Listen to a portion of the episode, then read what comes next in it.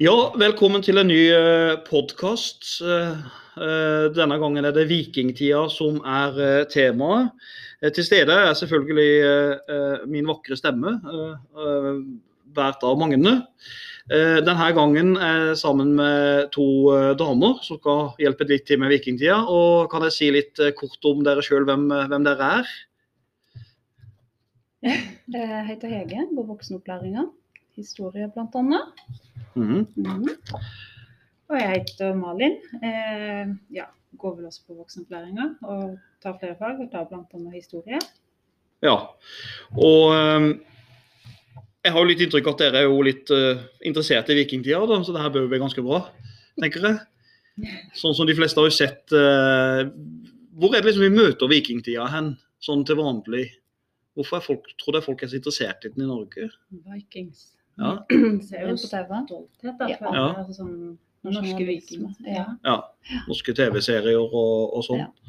Så um, absolutt. Og uh, viking, vikinger, hva som på en måte er en uh, Vi må kanskje begynne. Vikingtida rangeres jo fra perioden 793 til 1060, sånn tidsperiode. Og vi kan jo kanskje bare begynne med å si hva en viking er for noe. Eh, Ja, altså En viking er jo på en måte det norrøne mannsidealet. da. Han var veldig sterk og en modig kriger. Eh, det ga veldig mye heder og ære å ha vært viking. Eh, og krigeridealet mhm. ble jo ofte knytta til eh, erobringslyst og behovet for ekspansasjon og på en måte for ja, utvida. Eh, det ser vi jo veldig mye av i sagaene fra vikingtida og i den norrøne mytologien. Ja, for vikingene er jo først norrøne, og så går de over til kristendommen. Så det her kommer vi tilbake til, da. Men sånn, eh, Hege, kjennetegn på vikingtida, vil du si om det? Det Nei, det er jo befolkningsvekst. Eh, ekspansjon, som Malin sa, ut og kolonisere andre landområder. Landom, økt handel med Europa, sentralisering av makt. Og så overgangen da fra norrøn religion til kristendom, som var store. Mhm.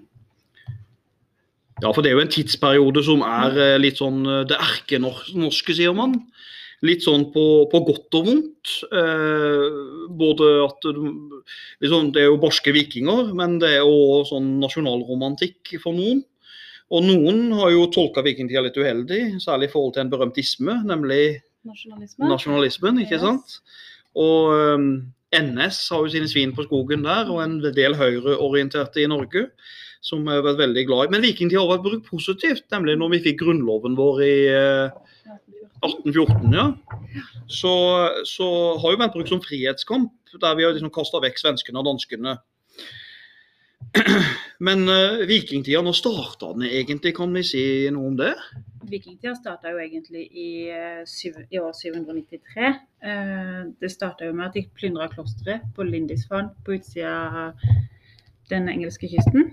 Eh, og så var det jo da de her velkjente vikingreisene som var på 800- og 900-tallet, på en måte, da. Som eh, fortsatte hele sulamitten. Ja. Ehm, ja, eh, og så sånn ja, slutten av 800-tallet så bosatte nordboerne seg i Normandie i Frankrike. Ehm, og så ja, eh, var det i 872 som Harald Hårfagre da seira slaget ved Harpsfjord og grunnla Norge som et kongerike. på en måte da. Han var Norges første konge, enekonge.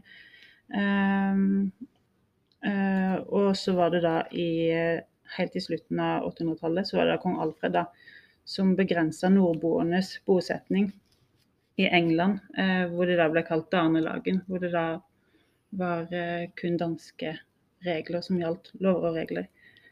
Ehm, Ja, så var det han Tryggvason. Han forsøkte vel å innføre um, han prøvde jo å innføre da kristendommen da, med Ja. voldelige midler, men det ble jo uh, veldig dårlig mottatt. mhm. Han døde i slag mot danskekongen i år, to, to, nei, i år 1000. Det er lett å huske. ja, Ja, eh, ja. Veldig greit når du dør i år 1000. Nå husker alle det. Akkurat som en av islams grunnleggere. Han døde i år 1111. Ja. Det er Ja, veldig det er greit. veldig. Takk for det. Jeg syns det. Alle husker den. Ja. Ehm, så var det jo da han eh, godeste eh, Olav Haraldsen, Haraldsson som døde da ved Stiklestad uh, i 1930. Uh, Nei, ikke så det. hæ? 1030. 1030, Ja. herlig og jeg. Ja. Eh, takk, Hege. Tusen takk. eh, så da etter sin død, som ble kalt for da Olav den hellige, det er jo det vi egentlig kjenner ham best som, da. Mm. Eh, og så avsluttes jo på en måte vikingtida, da. Som når Harald Hardråde faller ved slag- slaget på Stamford Bridge i England. Det er på en måte det som anses Ja. som Hvilket sånn år er du da cirka? Du er i 1066. 1066, altså det er slutten, Ja. på, slutten på storhetstida, som Ja. egentlig vikingtida var for Norge. Ja. Ja. Ja, hvor er det vi har informasjon om vikingtida? Det er jo, eh, det er jo gjennom eh, han eh, Hva het han islendingen? Snorre Sturlason. Ja. Og egentlig så må vi jo være en del kildekritiske til han Sturlason, for uh, en del av beskrivelsen er jo grovt overdrevent, overdrevne. Altså det er jo veldig eh, Sånn som dette angrepet på Linisvare, eh, så beskrives det jo det at eh, vikingene, de, liksom munkene, da de skriver at vikingene de trampa på hellige steder. De hadde skitne føtter, og de voldtok og de rana. Men er det her nøytral informasjon? Ikke sant? Det er jo det som er spørsmålet. Det er jo Altså Etter vikingtida så ble jo på en måte kristendommen mer innført. altså sånn, Og de var jo veldig negative til den norrøne tro og Ja. det de hadde gjort. så det at Det var jo hedninger. Det skulle Ja. jo, var jo viktig å fremme den kristne. Og det er litt interessant å se at de, de fremstiller de faktisk som hedninger, ja. Mm. Eh, og er veldig negative. Så det er jo sånn subjektive kilder, om vi kan kalle det for det. Et annet eksempel jeg har på sånn kildekritikk, det er Olav den hellige. Det er jo en histo mange historier om Olav den hellige, men en historie er jo det at uh, Olav den hellige når han var på flukt, så mangla det jo mat. Og Olav han, eh, han løser det ganske greit. Han legger litt mat i en kjele, og plutselig er det overflod av mat. Um, og så var det noen steinblokker som fjerna en vei, og ingen klarte å få de bort, disse steinblokkene. Men da la jo Olav bare kappa seg over de, uh, og så fjerna han steinblokkene. Og Olav kan i tillegg helbrede folk, står det jo flere steder i den norrøne litteraturen. I kongesagaene. Også etter sin død. Også etter, ja, det er viktig å få Ja. frem. Han, han, eh, og det er jo forferdelig lik eh, en annen historie. En fyr på korset. Ja, han, ja. Han er Ja. godeste Hvem? Jesus eh, Ja. Så de har sikkert kjent til Jesus-historien og på en måte kopiert den opp. Eh, som det står i jeg vet ikke, Matteus 6,30. Da metta jo Jesus eh, folk Han metta jo masse mennesker med å lage et par fiskerom til 5000 fisk. Han metta 5000 mennesker i hvert fall. Sånn var det vel.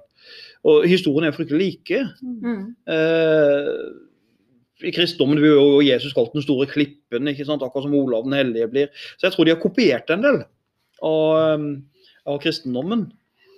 Så sånn sett er det jo. Men dere, vi må jo over på en viktig spørsmål. Hvorfor skjedde egentlig vikingtida?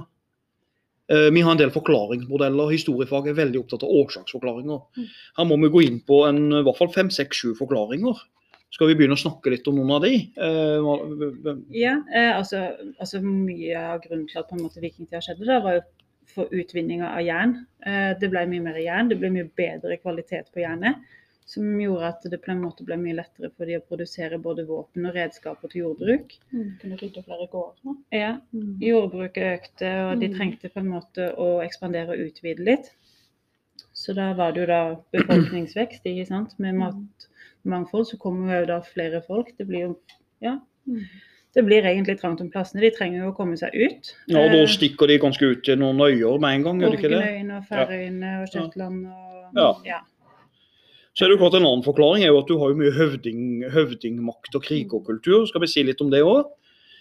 Altså at det blir jo uh... ja, altså den økte på en måte jordbruksproduksjonen da, førte jo til at noen ble rikere og mektigere enn andre. Uh, Det ble jo mer uh, ja, små, altså, ja, høvdingsamfunn, da, på en Ja. måte. Det ble jo også sånn kamp om plassene, fordi at uh, altså høvdingene ekspanderte litt sånn der at dette er vårt område, her har vi makt, og da måtte de flytte seg. Så selv om det fysisk var plass, Mm. så var det Veldig territorielt. Så ble det veldig Ja, Ja. det ble jo det. mm. Og det var jo ca. 20 høvdingdømmer i sånn starten av vikingtida. Mm. Så ble det jo redusert etter hvert. da. Mm. Eh, og de, eh, de var jo både religiøse og militære ledere, de høvdingene. Og eh, løste de konflikter. da, Det kom jo konflikter, de løste de med bygdeting. Mm. Eh, den vanligste straffa ble jo bøter, var det ikke det? Men de kunne jo risikere å Ja. Men eh, mm, Og lyst i bånd. Lys til bånd, et kjent begrep. Kjent begrep. Mm. Og ehm, så hadde jo disse her eh, det var det kanskje noen ganger i året så leda høvdingen noen fester. Ja, blod. Blod. Stemmer. Ja. Mm. Der de blod betyr ofring, er det ikke det? De ofrer. Ja, og det provoserte jo kristendommen, ikke sant? For kristne nekta jo ikke sant ofre, for Jesus hadde allerede ofra seg. Så der var det konflikt. Og høvdingene var jo veldig rause med gaver. De ga jo masse gaver. Bøndene fikk mat og våpen. Og... Men ingen gir jo noe for å være snill. Det er jo en tanke. Når de ga dette her, så ville de jo ha noe igjen. Så høvdingene ga jo fra seg gaver eh, for å sikre seg lojalitet og eh, sikre seg allianser og sikre seg at, med, at bøndene stilte opp som en hær for dem. Og dette begrepet er jo kjent og kalles resiprositet. Det betyr uh, gjensidig gaveutveksling. Altså de, Høvdingen gir fra seg ressurser, og så får de f.eks. våpen tilbake og en hær tilbake. For å sikre seg. I Romerriket kaller vi det patron Klient. klient. Så det det går gjennom hele historien at eh, ingen gir nesten noe for å være snille. Men stemmer det det at hvis du på en måte ga for lite øl på en fest, at det på en måte Det var et dårlig tegn? Eller sånn, skjønner du? Ja, altså Da var du på en måte Hvis ikke du hadde nok å servere mm. Det er jo En del av vikingoppførselen er jo regulert i håvamål, Ja. eh, som en sånn visdomsord. Og det å være gjerrig hvis du hadde overflod, det var sett veldig ned på. Ja. Det var en sånn litt sånn uh, ufin greie å gjøre. Kanskje nesten som å ha beina på bordet i dag. eller altså Du bryter en uformell norm, Mm. og da ble du sett ned på. Så det var en selvfølge at de som hadde mye, burde dele med seg. Mm. Uh, og Da mister du makt og ansikt. og Ære er en veldig viktig ting for en viking. De er opptatt av ære. Men når vi er på ære, da er vi fader meg på krigerkulturen. Den må vi bare snakke om. For Ja. den er spesiell. Ja, den er jo kjempespesiell. Eh, høvdingene da, de hadde jo egne profesjonelle hærer, altså en hird, som de da kalte det. Eh, Hirdmennene var av de aller beste, og de skulle jo selvfølgelig vise offervilje. Eh, de var eh, De så på det som at det var mye bedre å dø i kamp enn å dø av skam eller eh, Altså dø på, de ville jo he mye heller dø i kamp enn å dø som eldre syke. Som det var jo ungdom, ikke eller- ja. Ja, Å ligge dø, døende i en seng. Ja, det var jo virkelig greit. Ja, Ja, rett Så kommer slett. du på to forskjellige plasser, da. Du kommer jo til Valhall jo hvis du dør i kamp. ja. Ja. Eller til I vårt allerede liv. I Valhall liv. Og det ligner egentlig, vet du, det ligner på litt på sånn å sammenligne litt sånn islamsk jihadisme. De tror jo de kommer til paradis. Ja, De Vikingtro det er jo nesten det samme. Du blir Ja. belønna hvis du fighter for den gode sak. ja, ja. Så de har jo optimistisk syn på døden. ja. Og det gjorde de jo kjempetøff i kamp. Når du ikke er redd for døden, du ikke frykter døden, du tenker at det vil være en fordel. ja. Hvis jeg Mm. dør i denne kampen, det Ja. gir du alt ja altså. det gjør jo Det det. viser litt at vikingene Mm. Hvorfor de kom langt. Ja, ja visst. Eh, de brukte jo mye tid på våpentrening òg, da. Mm. Eh, ski og skøyter og brytning. Mm. På en måte for å være forberedt på ja, det meste. Fra de var små. Ja. Små gutter. gutter, ja. og... Mm. Rett og slett små barn. Mm. Så slåss de med sverd de hadde kjøpt i Frankrike, mange av de. For de reiste jo langt ned. Vi skal snakke om reiserute etter hvert. Mm. yeah. Og de frankiske sverdene var jo lagd av ganske solid eh, jern, så de brakk ikke. Eh, De vikingsverdene er jo drittunge. Jeg mener sjøl jeg er litt skryt. Litt, jeg mener er litt sånn småsterk av og til, men de er tunge å løfte. Jeg løfta en kopi. De er drittunge og svinger rundt på de, altså. Wow.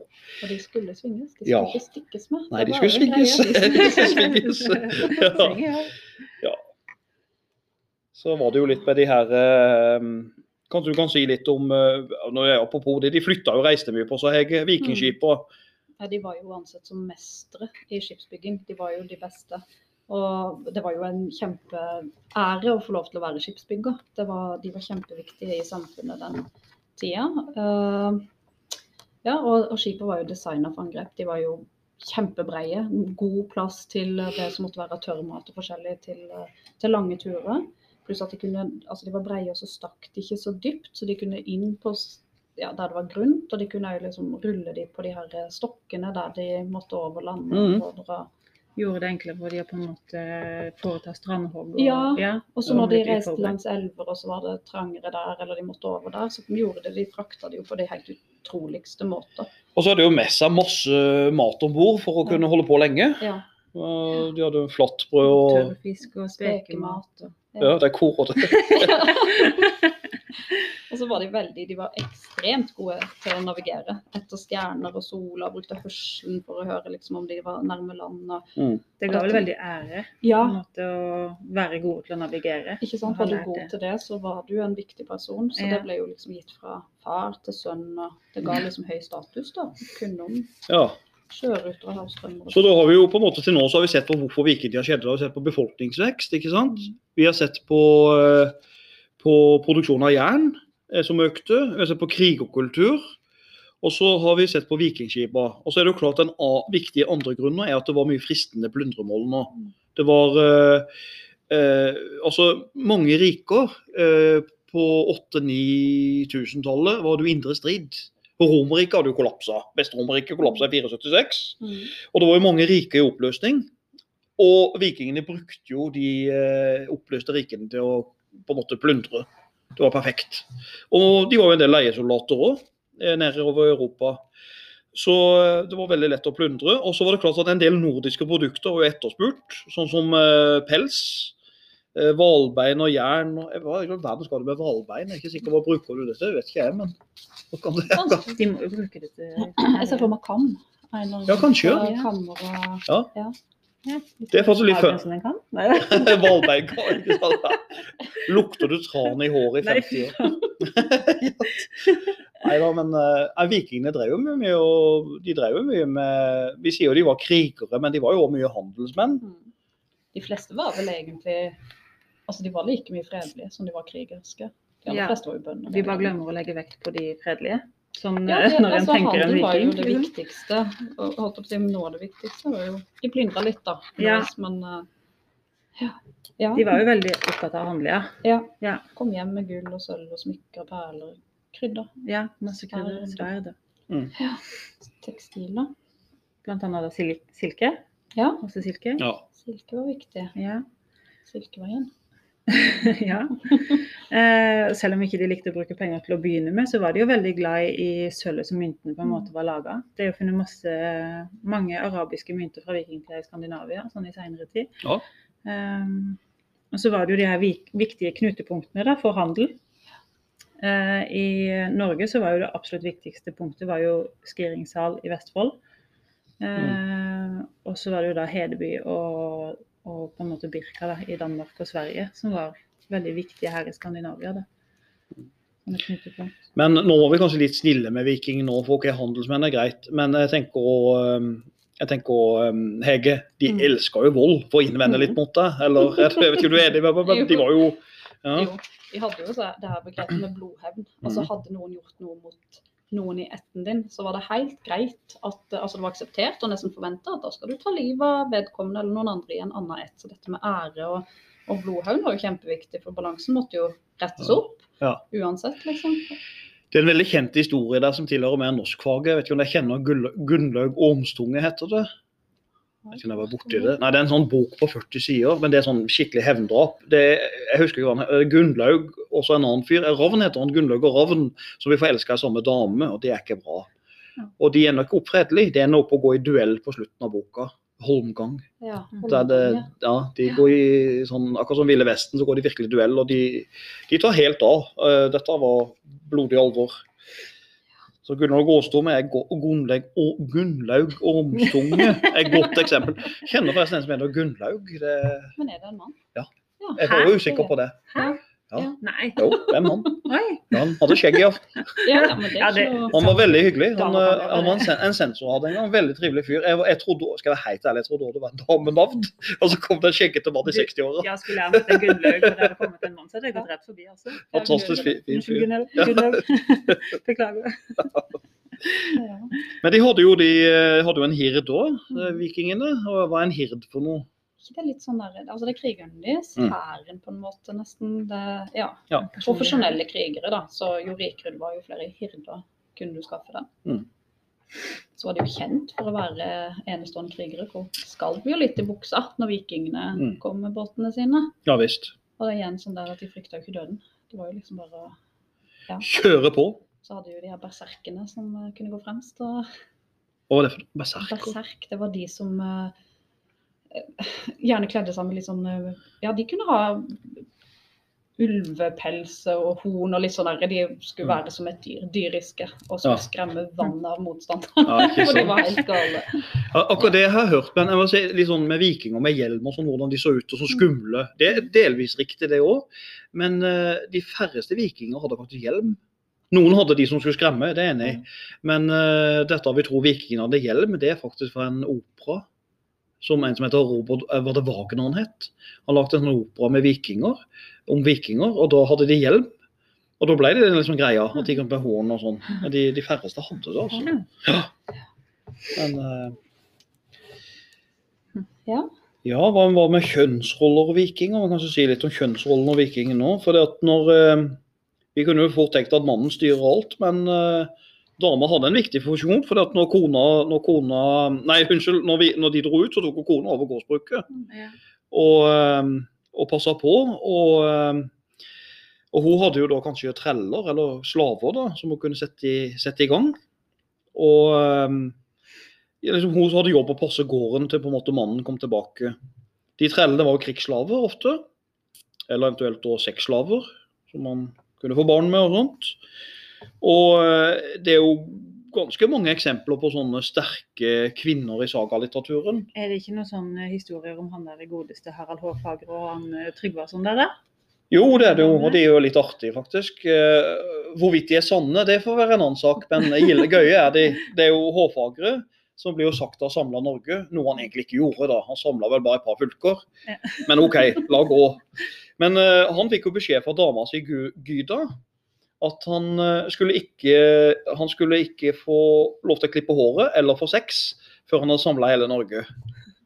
det, det, er- det er det krevende. Det er det krevende. Ja. ja. Og um, han senere kongen, idrettskongen Olav Tryggvason, han uh, gikk jo egentlig gu- Hva skal jeg si? Han gikk jo egentlig til døden pga. en dame. Han skulle bli gifta bort med en dame som het Sigrid. Giftermålsallianse var jo vanlig den tida. Og så, um, men Olav var veldig kristen, Olav Tryggvason. Så han forlangte at hun Sigrid skulle bli kristen. Konvertere til kristendom. Det ville hun ikke. Og da ble Olav fornærma, så sier han følgende Jeg vil ikke ha et gammelt hedonsk rynkeskinn som deg. Og så slår han henne med hansken. Han klapser til henne med hansken. Og der får du problemer. For da allierer Sigrid eh, Sigrid hun allierer seg med, med danskekongen. Og går imot Olav Tryggvason. Så den dama der skulle han ikke tulla med. Hun var inngifta i russisk kongefamilie og sånne ting. Så det er klart det at Menn hadde jo formelle maktposisjoner, men flere steder er det ganske tydelig. i hvert fall Hvis du ser på graver, så er det tydelig at kvinner har en sentral rolle. Kvinner er ofte gravlagt med våpen og mye rikdommer. Og er det et av de skipa på eh, det her Oslo-museet, eh, Gokstad, der det er en kvinne som To, Ja, to, to kvinner? Ja. Mhm. Som er gravlagt med masse skatt. og Ja. Masse, de har vel funnet ut at de var ganske høyt oppe Men, ja, var det hun ene som ikke var sånn type arisk, altså type viking... eh, Ja, de har, men det er nyere forskning, Ja. så vidt jeg har lest noe Ja. om det siste. Så fant de vel ut at du var litt krokbøyd da, var det ikke noe sånt? At du hadde litt uh, hunchback. Og gørrsjuk. Kjempesjuk. Ja. Ja. Masse ting som det. Herregud, der inne på nettet kan dere mye. Til dagstur inn til Bygdøy med tre- med fire unger i bilen som trodde de skulle ha det gøy. Det var Hege som skulle ha det gøy. Hold kjeft, mamma skal se på vikingskip. Så det- sånn ja. Mm. Ja eh, tenker jeg vi skal gå inn på et ganske viktig spørsmål der, som vi hopper til nå. Reiseruten til vikingene.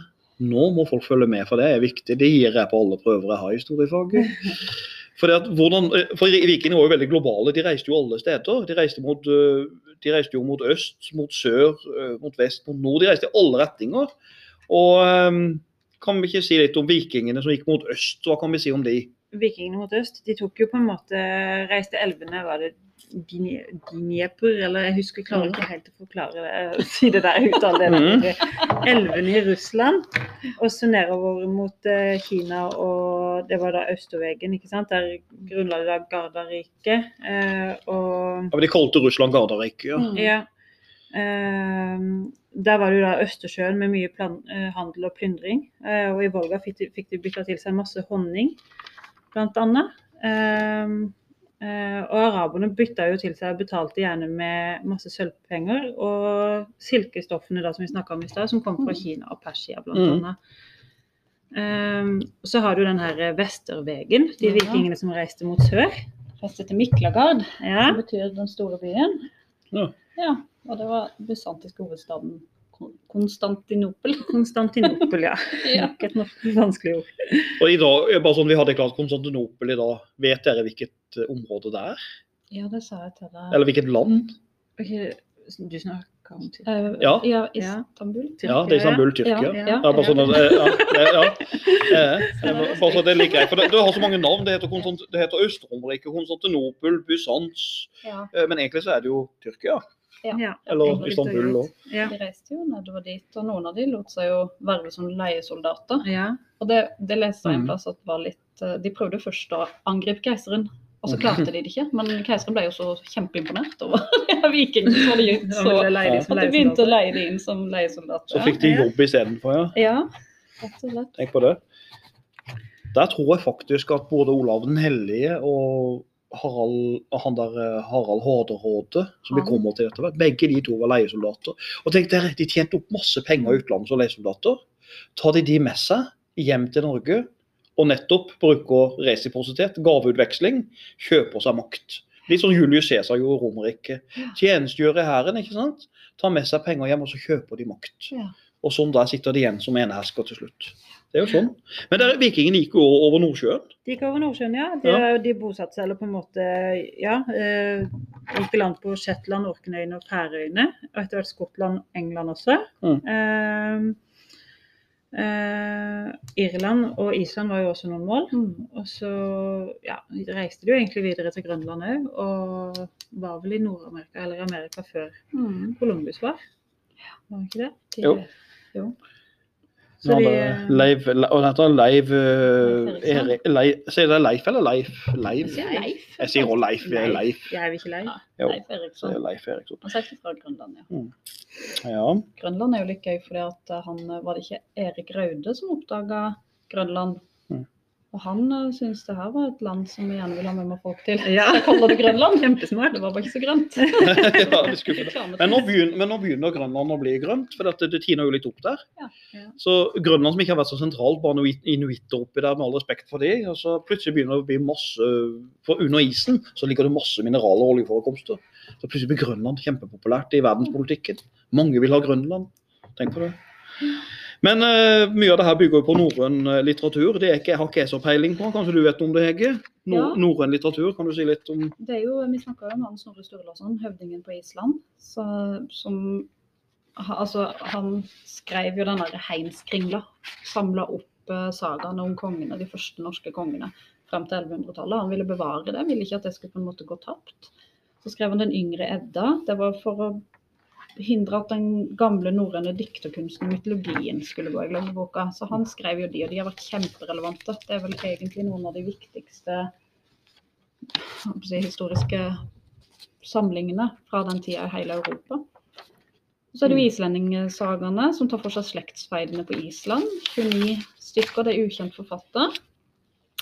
Den eldre Edda den er litt gøy, for den var en sånn, ble funnet i form av en sånn fillete skinnbok nederst i en sengebunn av en islandsk biskop, eh, og inneholdt 13 gudedikt og 24 heltedikt.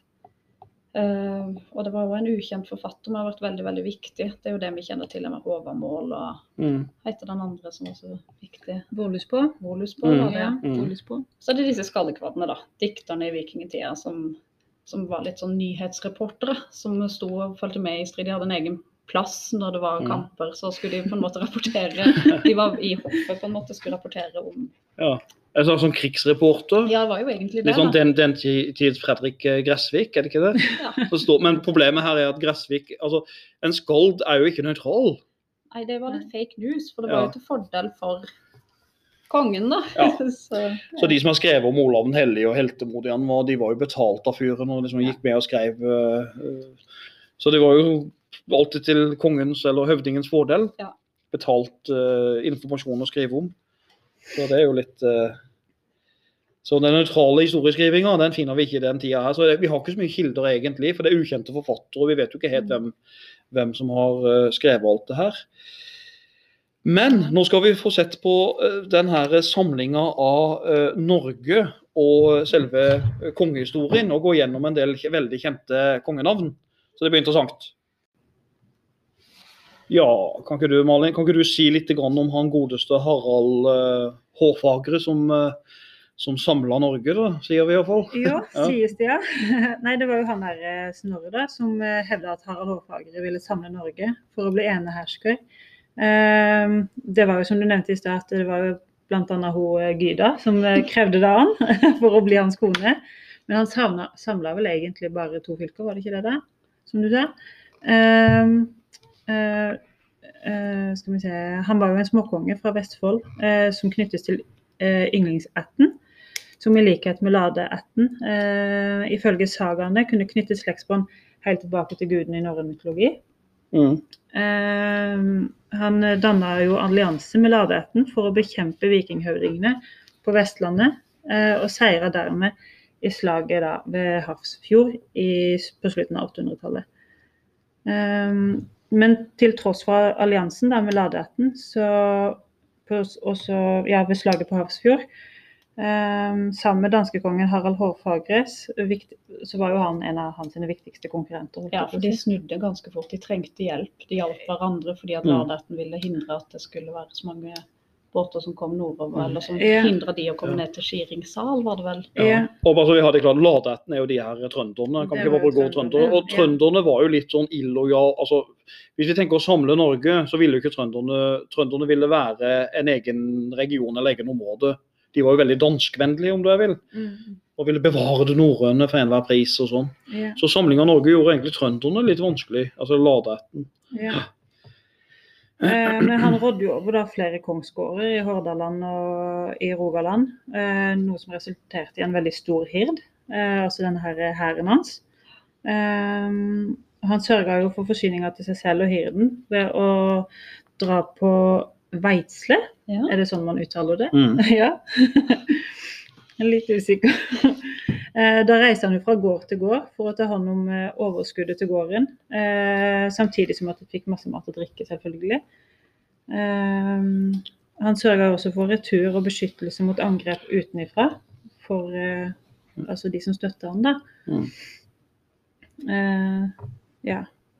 Og det er jo veldig likt det der føydalsystemet sånn vi ellers har i Europa. Ja. At på en måte du, denne trekanten med bøndene på bunnen som overgir makt til de over seg. ja. Og så får de beskyttelse i retur, Ja. ja. Mm. Ja. Uh, Han slo jo veldig hardt ned på de som ikke ville føye seg, da, uh, og innsatte styringsmenn, som ble kalt for årmenn. Mm. Uh, Mm. eh, Og så har du altså starten på å samle Norge litt. Ja. Altså at Han begynner på en måte også, han vinner vel, eh, som du sa, Rogaland og Hordaland og samler det. ja. Det er ikke samling av Norge, men det er det vi skryter av. Mm. Eh, og, så, og så setter han inn eh, styringsmenn, og, og, eller årmenn, og så begynner å bygge litt, den bygger starten på en liten stat. Det er jo sånn starten. Mm. Men hans sønn, eh, som har et hyggelig tilnavn, Ja, Håkon den, eh, Håkon den gode. Håkon den gode, ja. Ja, han eh, vokste opp eh, hos kong Adalstein i England. Den kristne kong Adalstein, og han, Håkon den gode ble jo kalt da Adalstein Fostre. Så det at, at Harald Hårfagre valgte å sende Håkon til kongen, var jo sannsynligvis fordi at fordi at ja, de hadde stor respekt for kongene over dammen, skulle jeg si. Eh, og konger i utlandet fikk veldig sterk støtte av kirka. Det ønska jo på en måte kongen i Norge òg å ha, da. Men han Hårfagre han dør jo da i 940 ca. Da blir det jo en stor strid mellom de her sønnene hans for å overta tronen. Men eh, Håkon han vinner over Erik Blodøks og blir konge, og får tilnavnet Den gode fordi han var mild med skattlegginga, hadde et godt forhold til bøndene. og måtte jo da til slutt gi opp forsøket på å innføre kristendommen. Det gjorde han som en sånn kompromiss. De ville ikke støtte han hvis ikke han slutta å mase. rett og slett. Så det gjorde han. Ja, for Håkon blir beskrevet som en sånn mild konge, for han ville ikke tvangskristne. Han brukte ikke vold for tvangskristne, derfor får han tilnavnet gode. Mens altså broren var jo Erik Blodøks. Ja. Så det sier jo litt at han som har skrevet det her, har ikke likt broren. Håkon var snill, broren var slem. Så enkelt var det. Så enkelt er det. Ja da. Han ordna jo lagtingene Gulating og Frostating, og de kjenner vi vel til fra i dag. Gulating, lagmannsrett og sånn. ja. Ja. De har vi jo fremdeles. Ja. Eh, Nå tenker jeg Gu- Gulating, det er vel, det er vel i Bergen. Det tror jeg. Og så Frostating er vel faktisk i Trondheim. Ja, det er Trondheim. Ja. Ja, og der møtte representanter fra bygdetinga som var utpekt av disse årmennene. Det ble avsagt dommere litt sånn forskjellig. Mhm. Og så fikk han vel sannsynligvis, jeg vil ikke helt han fikk sannsynligvis lagtinga til å opprette en slags sånn forsvar for Norge, Leidang. Leidangen ble jo kjempeviktig, for da plikta bøndene seg til å utruste Langskip med altså langs hele kysten med mannskap, våpen og utstyr for to måneders innsats. Så da skulle de jo beskytte Norge, da. Altså Her lager man et sånn nasjonalt forsvar. Ja, Det første, Ja. sannsynligvis. Stille opp. Mm. Og det styrka kongens makt og reduserte de lokale høvdingenes makt. da. Og det likte ikke de her trønderne. Og danskekongen Ladejarlen og danskekongen de ville ikke underkaste seg det. Mm. Så kommer jo da etter hvert Olav Tryggvason og Olav Haraldsson for å ta over stafettpinnen for hårfagre-slekta. Og Ja. de eh, gjorde seg jo rike på veldig mange vikingetokt og kjøpte seg mye hirdmann og støtte fra norske høvdinger. Mm. Og begge var døpt, og begge ville kristne landet. Mhm. Og det var jo som sagt sterke motkrefter i trønderne og danskekongen, da. Så i årtusen så blir Olav Tryggvason drept i slaget ved Svolder. Han gjør det. Og Tryggvason er jo en interessant person i norsk historie. for han, øh, Mange som liker sånn nasjonalisme, de elsker jo Tryggvason. Han ble regna som den store viking, altså den store idrettsmannen. Han var liksom, sånn- han liksom løp på skipet, og var det skipet var det Ormen den lange. Han hadde et vikingskip Ormen den lange som var svært. Så det var noe løp på det. Han var veldig sånn skikkelig sporty fyr. Og, øh, og vokste opp i Gardarriket. Og hadde, dro hjem mye penger og sånt. Og han gikk jo beinhardt frem. Olav Tryggvason, han, han tvangskristne, altså. Mm. Det er en historie om en som heter Raud, en som, som står i sånn norrøn mytologi, men en som heter Raud, som ble, han ble torturert med glødende jern. Og så fikk han ormer ned i munnen for å bli tvangskristna. Han ville bevare det norrøne, men det kan du bare glemme. Så han gikk, eh, gikk hardt frem. Og slaget ved Svolder, der, eh, der røyk han jo i, eh, i, i På en måte, han tapte jo en slaget der mot, med danskene i allianse med ladejarlene, han Tryggvason. Og det var den kjente historien, jeg må få lov til å ta den. for det at Olav Tryggvason, det er veldig kjent, altså I norsk historie der hadde han en på slutten av slaget så han en kjent bueskytter som het Einar Tambarskjelvre. Eh, og på slutten så, så Han var den beste bueskytteren til kongen. Og så skulle han skyte ned motstanderne med den buen. Så spente jeg han, eh, han Einar spente buen, og så plutselig så sier kongen 'Hva brast så høyt?' Dette, dette står i sagaene. 'Hva brast så høyt?' Og så svarer Einar Altså buen, buen knakk. Og så svarer Einar 'Norge ut av din hand for, konge'. For veik, for veik er kongens bue. Det var liksom et signal at nå hadde han tapt uh, kongetronen. Nå tar danskene jarlen over Norge. Yes. Det gjorde de jo Ja, de de gjorde det. neste 15 Kjent historie. For veik, for veik er kongens bue, står det i sagaen. Det er ferdig, så drukna han. Olav den hellige, da. Olav Da er han den neste. Ja, Olav Haraldsson. Ja. Eh, han kom jo til landet i eh, 1015. Eh, Danskekongen var jo da opptatt med krig i England. Eh, så derfor klarte han da å slå ladejalen ladejarlen under seg og eh, ja La landet under seg. Han tok rett og slett Norge. Ja. Um, uh, han ville jo ja, tøyle høvdingættene da, på en måte med å øke ansvarsområdene til årmennene. Eh, de skulle jo ikke lenger sørge for at bøndene bare sto for veisler til kongen, men nå fikk de også drive inn bøter og straffe forbrytere som eh, trengte det. Ehm, han knytta seg også til flere høvdinger ved å gjøre dem til leidmenn. Eh, de ga ham troskapsløfter og stilte hirden til disposisjon, og bisto årmennene. Eh, Så fikk han da i retur inntekter fra kongsgårdene. Eh, Så det var jo kjempelurt å få Mm. på en måte mange høvdinger med på laget. Mm. Så gjorde han jo da etter hvert kristendommen til eneste tillatte religion i landet. Så det er jo han som på en måte Mm. lovfesta kristendommen her, da. Og slo hardt, veldig hardt ned på de som nekta å godta det.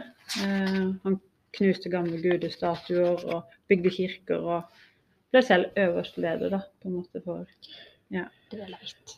Ja, Tenk på de skattene han har knust. ja tenk det. Ja. Ja. Ja, det er masse fint. Eh, misnøyen blant høvdingene, eh, som ikke godtok dette. Altså, det på en måte ble jo lettere for de å på en måte den danske kongen, Knut den mektige, og utfordre Olav Haraldsson da. Ehm, det var jo liksom eh, Ja.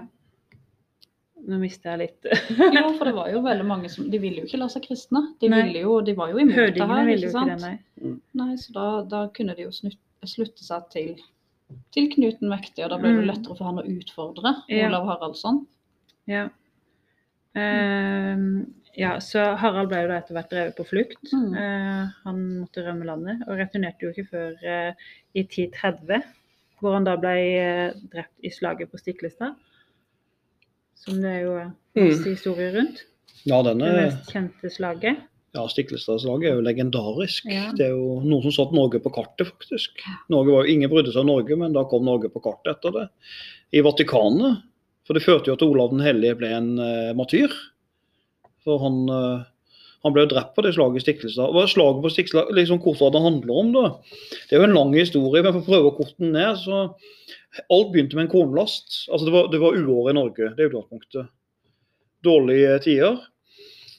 Og eh, i dårlige tider så hadde Olav eh, Så hadde jo på en måte kongen, da, altså han, Olav den hellige, hadde jo beslaglagt kornlageret for å sikre befolkningen. Og så hadde man nekta å selge korn til nordlige deler av Norge. Og man regnet ikke nordlige deler av Norge som Norge. Det gjorde man ikke i 1814 heller, forresten. Da gadd man ikke kalle inn Nord-Norge. Men da var det en fyr som, eh, som het eh, Asbjørn, som bodde på Hinnøya oppe i nord. Og han var sønn nå kommer familien, han var sønn til en som het Tore Hund. Tore Hund var jo en av de som var med og drepte Olav den hellige. Og eh, den her Asbjørn, han var frekk og seilte ned og kjøpte korn. Ulovlig. Og det var ikke lov. Og tok det med opp til sitt folk. Og da kom Olav den hellige og sendte sine menn og beslagla all kornet. Hva gjorde Asbjørn da? Jo, han hogde huet av Olav den helliges menn, som beslagla kornet som han hadde tatt ulovlig. Og da beordra Olav at eh, Asbjørn og Tore Hund, altså far og sønn, skulle drepes. Så alt pga. en korngreie. Og da allierer Tore Hund og Asbjørn seg med den mektige danskekongen. Og så, møtes, og så kommer de sammen. Hvor er det? Nord-Norge. Da møtes de Trøndelag til duell. Og Det er slaget på Stiklestad. Og da møtes De det er jo ikke så, altså det er jo en, de samla en hær på var det 1500 mann, sier de, cirka. Og så blir det jo en, eh, en duell. Altså jeg gjentar Olav den hellige og hans kristen gjeng versus Knut den mektige, danskekongen, og disse trønderne. Og de her som har stjålet korn i nord, da. Eh, og når, selve slaget går jo som følger. Det legendariske ifølge myten, så var det jo en som het eh, Torstein Knarsmed, som høgde til Olav med en øks i beinene. Og så kom Tore Hund, som jeg allerede nevnt, faren til Asbjørn. Han stikker jo da Olav den hellige i, Eller han får et spyd under rustningen til Olav den hellige. Det er jo det som er dødelig. Mm. Og eh, så får til slutt Olav den hellige et, eh, et, eh, hugg i halsen av en som het Kalv Arnesen. Så det er sånn noen navn her, så jeg skal ikke huske de, men det er mange navn. Eh, ja, og så er det jo da, som historien går, han dør langs en stein. Den steinen er jo veldig viktig hvis jeg går opp til eh, Stiklestad i dag. Så er det mange tror at her var den steinen han døde langs. Men eh, det som skjer er jo at når han, ok, han dør, men såret gror jo. Det er det som er spesielt med Olav den hellige. Det blir en sånn myte rundt han at såret grodde, neglen hans grodde etter han var død. Igjen litt Jesus-historien, da. Han sto ikke opp, da. Og det ender jo på at en del begynner med sånn pilegrimsreiser til Nidaros. For her har de Den katolske kirke gjør han til en martyr for kristendommen. Begynner med sånn pilegrims. Og en del av de morderne, de som drepte Olav den hellige, de får svi etterpå nå. For de blir jo jakta ned. De blir tatt hevn på. Det er som en sånn dårlig Liam Neeson-actionfilm. Ikke sant? You kidnapped my daughter, ikke sant? I'm gonna kill you, I'm gonna find you. Så de, de, de rømmer jo alle disse her eh, morderne. Blant annet Tore Hund og hele gjengen. Noen av de rømmer til Jerusalem for å komme fri, men så kommer de, de blir rett og drept av og leiemordere som jakter de ned og tar de og hevner seg. Og noen av de er jo familien til Olav, eh, Olav den hellige som, som gjør det her. Blant annet Magnus den gode. Og Harald Hår, Hårderåd, eller som vi skal snakke om nå. kan vi ikke si litt om han Harald Er det. Harald Hårderåd som er neste? For han er jo halvbror til Olav Nellie. Ja, han er det, så han kommer jo tilbake igjen. Han har jo tjenestegjort i Bysants for keiseren der. Yes. Og så får han nyss i at oi, nå, nå får jeg sjanse til å bli konge. Så han stikker hjem igjen, og han er jo blitt kjemperik etter å ha ledet garden i krigstog gjennom Svartehavet og Middelhavet. Mhm, Så han presser jo da Magnus den gode til å akseptere han som samkonge. Mm -hmm. uh, og så dør faktisk Magnus året etter. Mistenksomt. Ja. sånn Ja, det. Ja, det var det. Ja. Tilfeldig. og da blir det jo eh, Harald Hardråde, eller Sigurdsson som han heter da, enekonge. Men han fikk jo det navnet, tilnavnet Hardråde fordi han brukte hirden sin til å rydde unna mange stormenn som hadde ledet motstanden mot Olav den hellige. da. Han drepte lederen for la Ladeætten, Einar Tambarskjelvet, som du snakka om i stad, mm. og sønnen hans. da. En vei i Trondheim faktisk Ja. som heter Einar Tambarskjelvets gate. Ja, det er det. Og litt artig historie når Einar Tambarskjelv ble drept. Så ble han drept han, han skulle inn en lav dør. Det er sånn som myten går. Han skulle inn en lav dør, og så bøyde han seg inn døra, og der kom øksa til hodet hans. Det er voldelig, altså. Ja. Hvis du stikker under hodet, så står det en gærning med øks på andre sida og venter på deg. jeg, liker litt mer Romerriket, der det er iallfall eh, hyggelig å knivstikke hverandre i ryggen. ja. En sånn øks i hodet. Det er så, så brutalt. ja, den er litt stygg, den. Ja, dårlig gjort. Men han så det ikke komme, da. Nei, det kan du se positivt på den. Ja. Nei, Trøndelag ble jo, etter de hadde tatt og fått drept lederne for Ladetten, så ble jo Trøndelag en del av rikskongedømmet. Og det samme skjedde i Opplandene, Mhm. hvor han da svidde av flere bygder og konfiskerte gårder og sånn. Så forsøkte han å erobre Danmark, men det fikk han ikke til. Så da tenkte han at han skulle prøve på nytt når den engelske tronen ble ledig i 1066. Da gjorde han krav på landet og gikk i land i Northumbria med heaten sin, da. Mm. Men da ble han slått ved Stamford Bridge av Harold Goodwinson. Ja. Ja. Så det regnes jo som slutten på vikingtida, da. Fikk Ja. en pil i halsen. ja. Fikk en pil i halsen og gikk rett rundt. Harald Harderåde, som betyr Harald den hardføre. Så det var en veldig tøff konge. Mm. Altså Halvbroren til Olav den hellige, det var en tøffing. Så eh, det var en god representant, en erobringskonge, som forsøkte seg litt for mye. og Da kollapsa jo hele vikingtida i Norge òg, for da var det ikke flere igjen. Mm. Og da utrydda de fleste hirdens menn ble fjerna.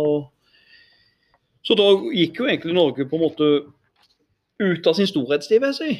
Ja. Og etter det så skjer følgende, skal ikke vi ta hele middelalderhistorien, men etter det nå, nå er jo Norges overklasse dødd ut. Det er ikke konge, konger igjen i Norge. Og etter hvert nå så kommer danskene og svenskene og begynner å spise oss.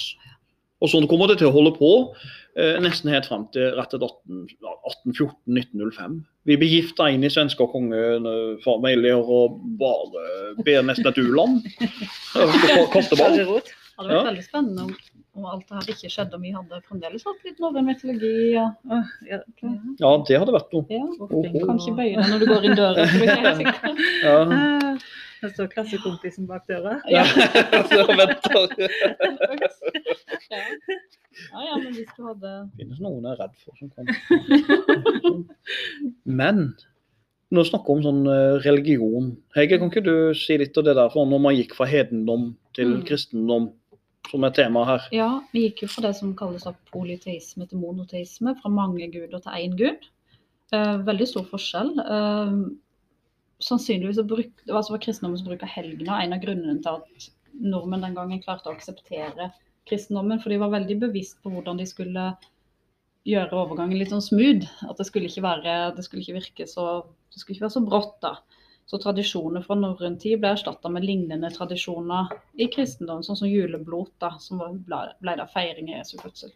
Juleblot var vel egentlig i januar, men så flytta de på det og gjorde litt sånn. Ja, Sikkert sånn sankthansbolle òg. Det er vel òg Mm. sikkert en norrøn feiring. Jeg er ikke ekspert på det, men jeg regner med det er en sånn norrøn feiring, egentlig, tenker jeg. Det finnes jo Mm. sommerblot, i hvert Ja. fall. Dette, så det, Ja. det er noe med det, ja. Og det var jo veldig stor kontrast mellom de her trosretningene. For at norrønt er jo veldig egosentrisk. Man, eh, man ber der man befinner seg akkurat der og da, og du, eh, du ofrer til gudene, du ber til gudene om gode år, god helse til deg sjøl, familien din, slekta di og sånn. Det er veldig sånn egosentrisk tankegang, da. Mens eh, ja, kristen tankegang, da er det liksom én frelser, du skal lære om synd og troa på evig liv etter døden, og det handler litt ja. Så det er jo som vi sier, man utførte bønnene der man sto og gikk, men med kristendommen så måtte man inn i kirka. Da var det slutt på blot med festing og ofring og Ja, For Jesus har jo allerede dødd for menneskene. Ja. Han har ofra seg, så da gidder man ikke å ofre mer. Og det ble vel blod ble vel sett på som noe av det verste du kunne gjøre. Det var vel selve symbolet på at du var antikrist, skulle jeg si. Så ja, og kirka de vekta ydmykhet og tilgivelse. og i norrøn tro som var opptatt av slekt og ære og troskap mot familie og venner og hevn var en selvfølge. Så det var sånn store kontraster her. for at Mm. Ja, for Det er viktig å få fram at de første kristne de var jo pasifister. Ja. De var jo det. Etter hvert så blir jo kristendommen også en voldelig religion. De første kristne var jo pasifister. Eh, Og da reagerer de veldig sterkt på norrøn mytologi, som, på, eller, som langt nær ikke Ja. er det. Nei. Så eh, I den norrøne troen så gravla man jo gjerne i nærheten av gårdene eller i gravhauger også. Og i kirka så er det på en måte på eh, kirkens område, holdt jeg på å si, da, en kirkeplass. Eh, nå min- måtte de jo det. De måtte Ja. jo ut av hagen. Ja, de kunne ikke ligge i hagen De lenger. kunne ikke få lov å ligge i hagen. så- Nei. Eh, så kirken krevde jo på en måte de skulle på en kirkegård, da, med mindre de mente at de var fortapte. Eh, udøpte barn, f.eks. Selvmordere. Var jo Kvinner liksom, som døde i, Ja. under fødsel. Tenk at de fikk ikke lov å mm. Ja, uff a meg, så trasig. Men ja, det var jo sånn da, i norrøn tro så var det jo liksom Kvinner hadde jo lov til å på en måte lede gudedyrkingen litt, men nå ble jo enda mer eh, Mannens rolle. Ja, vi ble jo bare enda mer underordna mm. mannen, liksom. Ble bare satt mer til side, så mannens rolle ble jo mye sterkere når Mm. kristendommen på en måte kom. Mm. Eh, så var det jo veldig mange nye regler å forholde seg til. Det var mange helligdager som ble innført. Mm. Eh, hestekjøtt var jo ulovlig å spise, det var vel noe som vikingene spiste Mm. en del av. Mm. Forresten, eh, hestekjøtt, var det spiste? Nei. Nei. Hva er det verste dere har spist noen gang? Kan jeg spørre om det? Struts. Struts? Struts? Ja. Mm, det var seigt. Å ja. Var Jeg trodde det hadde vært sånn kylling, men Nei, det var, det var mer som, eh, som en um, ja, Ja. glassmanet. Oh, nei, fy. ja. Du da, Marin? Uh, du vet jo, jeg smaker krokodille, men det var egentlig ikke godt. Det. Ja, det, det hørte jeg godt. Ja, jeg så for meg at det skulle være verre, for jeg føler krokodillene så harde. Ja, jeg, jeg smakte sånn, eh, var jeg hos en dame, vi hadde en eh, romantisk middag med hva det var for noe, noe sånn kobra, kongekobra, sånn som slangekjøtt. Romantisk middag med kongekora. Den var seig, altså. Ja, det, Og så var den smakte den så surt, så, men vet du hva som løste det? Krem fresh. Nei. Da sklei den ned. Alt er bra med crème fresh. altså, crème fresh dekker over alle hvordan noe smaker. Ja, det var ille, altså. Så det. Aldri kjøpe det igjen. Men, men. Uh, ja, og så etter hvert med kristendommen så ble jo da Seksualitet var jo tabu og ansett som rein, nei, ureint og syndig. Altså, og vikingene var jo veldig De var kjempeseksuelle. Ja, de var jo kjempegira. nå- Nå fikk de jo ikke lov til, de kunne ikke ha sex før en helligdag, de kunne ikke ha sex på en helligdag. Det var jo kjempe, plutselig Ja. var det veldig strengt. Og ikke Mm. under fasten av Mm. stor eh, Ja, det var jo Alt var syndig. Ja, Alt ble syndig. Ja, for all del, ikke ha sex. Nei, og så ble jo da trelleholdet, altså slaveholdet på en måte, ble jo da avvikla med kristendommen. Eh, delvis fordi at økonomien, økonomien ble dårligere eh, etter det ble slutt på å reise ut på, i Viking, på tokter og i plyndrings... Eh, ja, eh, greiene. Um, Ja, de fikk jo ikke noe mer penger. Altså, Nei. det var jo da de henta rikdommen Det var jo sin. Og, det, og de henta der. trellene der òg, Ja, ofte. Så ja. du. um, Ja. Ja. Så er det jo eh, de her norrøne gudene som uh, mange i dag kjenner gjennom de her hva det heter, Avengers-filmene. Der er det jo fremstilt. Der er jo, finner vi jo Thor, som sto for styrken. Thor med hammeren sin. Han Thor med hammeren, ned med hammeren i raseri. Mm. Det var bare han som kunne løfte den. Ja, er det ikke sånn, ja? Mm. ja. Og så er det jo eh, Odin, som hadde vel, eh, hadde vel gitt bort det ene øyet sitt for å få visdom. Mhm. ja, Så han viste hadde vel han bare et et øye. Eller i Urens kilde, ja. Jeg er så veldig glad i det eh, når jeg så Odin på film, for da han spilte spilt Antonio Hopkins, og det synes jeg var veldig bra valg. Han er glimrende skuespiller. Gode, gamle Hopkins. Eh, og så er det jo den som er veldig fascinerende i norrøn mytologi, og han Loke, som er fremstilt som den slue guden som du aldri helt kan stole på. Han kan jo gå begge veier. Og han var jo eh, Ja, han lurte jo sønnen til, eh, til eh, Odin, Balder, i døden. Og så er det jo sånn for straff at han lurte Balder i døden. Han fikk jo broren broren han, vel, han lurte vel broren til Balder til å, å, å skyte, skyte han.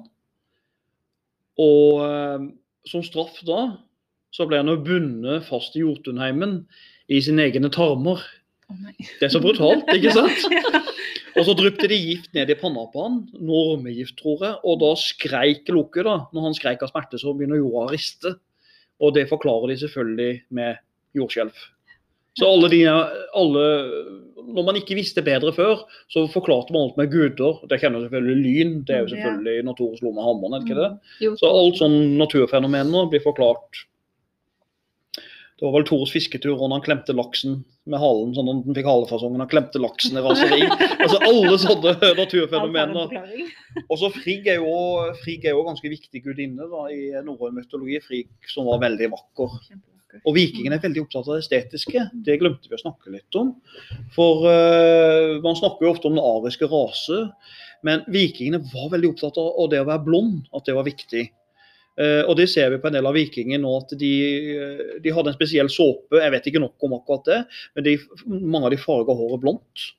Og eh, de hadde jo selvfølgelig kammer de greide seg men de var veldig opptatt av å se godt ut. De var jo litt jålete, var det ikke det? Jo, på en måte. Ja. Macho-jålete. De var jo kjent for det. Kjent for å være liksom datidas uh, mote... Ja. ja, men de var jo det. Ja, det var det. Og så, så de tok godt for seg med damer på turen. og Det er kanskje litt derfor at sånne litt høyreorienterte miljøer er litt glad i de òg. For de høye, staute menn som, uh, med blonde eh, som hadde, Hadde draget. hadde draget og var machoe, ikke sant? Ja, så det er sånn eh, liksom? idealene der. Så eh, Men damene var jo også tøffe, var det ikke noe som het Skjoldmøy. Ja, hva, hva var det? Ja, det var jo de damene som gikk foran da i slag. Mm. Men det er vel er de ikke litt usikre på om det faktisk eksisterer, eller om det er nok en myte? Det, alt er vel nok en myte, kanskje, men Mm. akkurat dette med Skjoldmøy var Skjoldmøy, eller valkyrer, eller hva det heter. De kvinnelige dødslettene Ja. som ble sendt ut for å på en måte velge hvem som skulle falle i slaget. og- Ja, og følge de til Valhall, Ja. ikke minst. Og de var vakre. Ja. De var venner. Men jeg tror vi lynraskt skal avrunde litt med sånn, eh, med sånn altså si litt om eh, nasjonalisme. Sånn eh, norsk nasjonalisme, for det kobles jo til vikingtida, på godt og vondt. Og Mm. hvordan ville dere forklart ordet nasjonalisme? Skal, Glad i landet sitt. altså Mm, veldig stolthet. stolt av landet, Ja. ja. Stolthet, og at det kan være, på en måte, det kan være veldig samlende. Ja. Altså at du er patriotisk på Mm. en positiv måte. ja. Kan også være Og så kan det også være splittende hvis du Mm. tenker på rase. Så kan det både frigjøre og ja, du har jo den ekstreme sida, holdt jeg på å si. mm. Er det man sier? Hit og dynamitt, er det ikke det man sier? når det gjelder... eh, Men jeg tenker sånn, hvordan, det er interessant å se i norsk historie hvordan eh, Vi har jo brukt vikingtida veldig mye. Hvis jeg tar veldig raskt nå, 1814, så kommer det jo veldig tydelig frem at uh, han Falsen, som lagde Grunnloven, han skrev jo om, uh, om Harald, en biografi om Harald Hårfagre. Det er ikke tilfeldig. Ikke sant? Og hylla de norske vikingene for å bli frie fra Sverige og Danmark. Og uh, en rekke skrev jo om vikinger. Vikinger ble sett på som frihetssymbol i Norge for å være selvstendige. Men det vi glemmer er at Danmark og Sverige også vikinger. Men vi tenker at det er særnorsk, ikke sant. Men enda verre bruk av vikingtida det er jo Quisling og NS. Mm. Når Quisling tok makta i 40. Han holdt jo masse taler, jeg skal ikke gå i detalj i det, men jeg har et lite sitat der. Han holder en tale i eh, nasjonalparken i 41. Så sier jo Quisling det at eh, det var herfra at eh, Norges samling skjedde. Og rikssamlinga for 1000 år siden. Eh, han sier jo det at eh, de sterke nordiske vikingene og rikssamlinga han, han henviser mye til historien. Og eh, snakker om Norges storhet tilbake i vikingtida. Og Ser deg på de NS-propagandaplakatene, så er det jo ofte vikingskip i bakgrunnen på dem. De hadde Det- vel noen møter òg på, på Stiklestad, de. De hadde det. De møttes der. Det gjorde de. Og dessverre så ser vi at sånn, ja, sånn Utøya-tullinger og sånn, altså den Utøya-tull- han er- bruker bruker den symbolikken. Så Mm.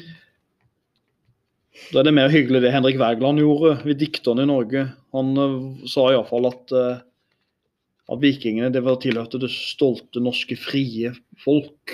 Det har ikke noe med rase å gjøre, men det handler om frihet. Det er en helt annen måte å se det på. Det er det jo altså.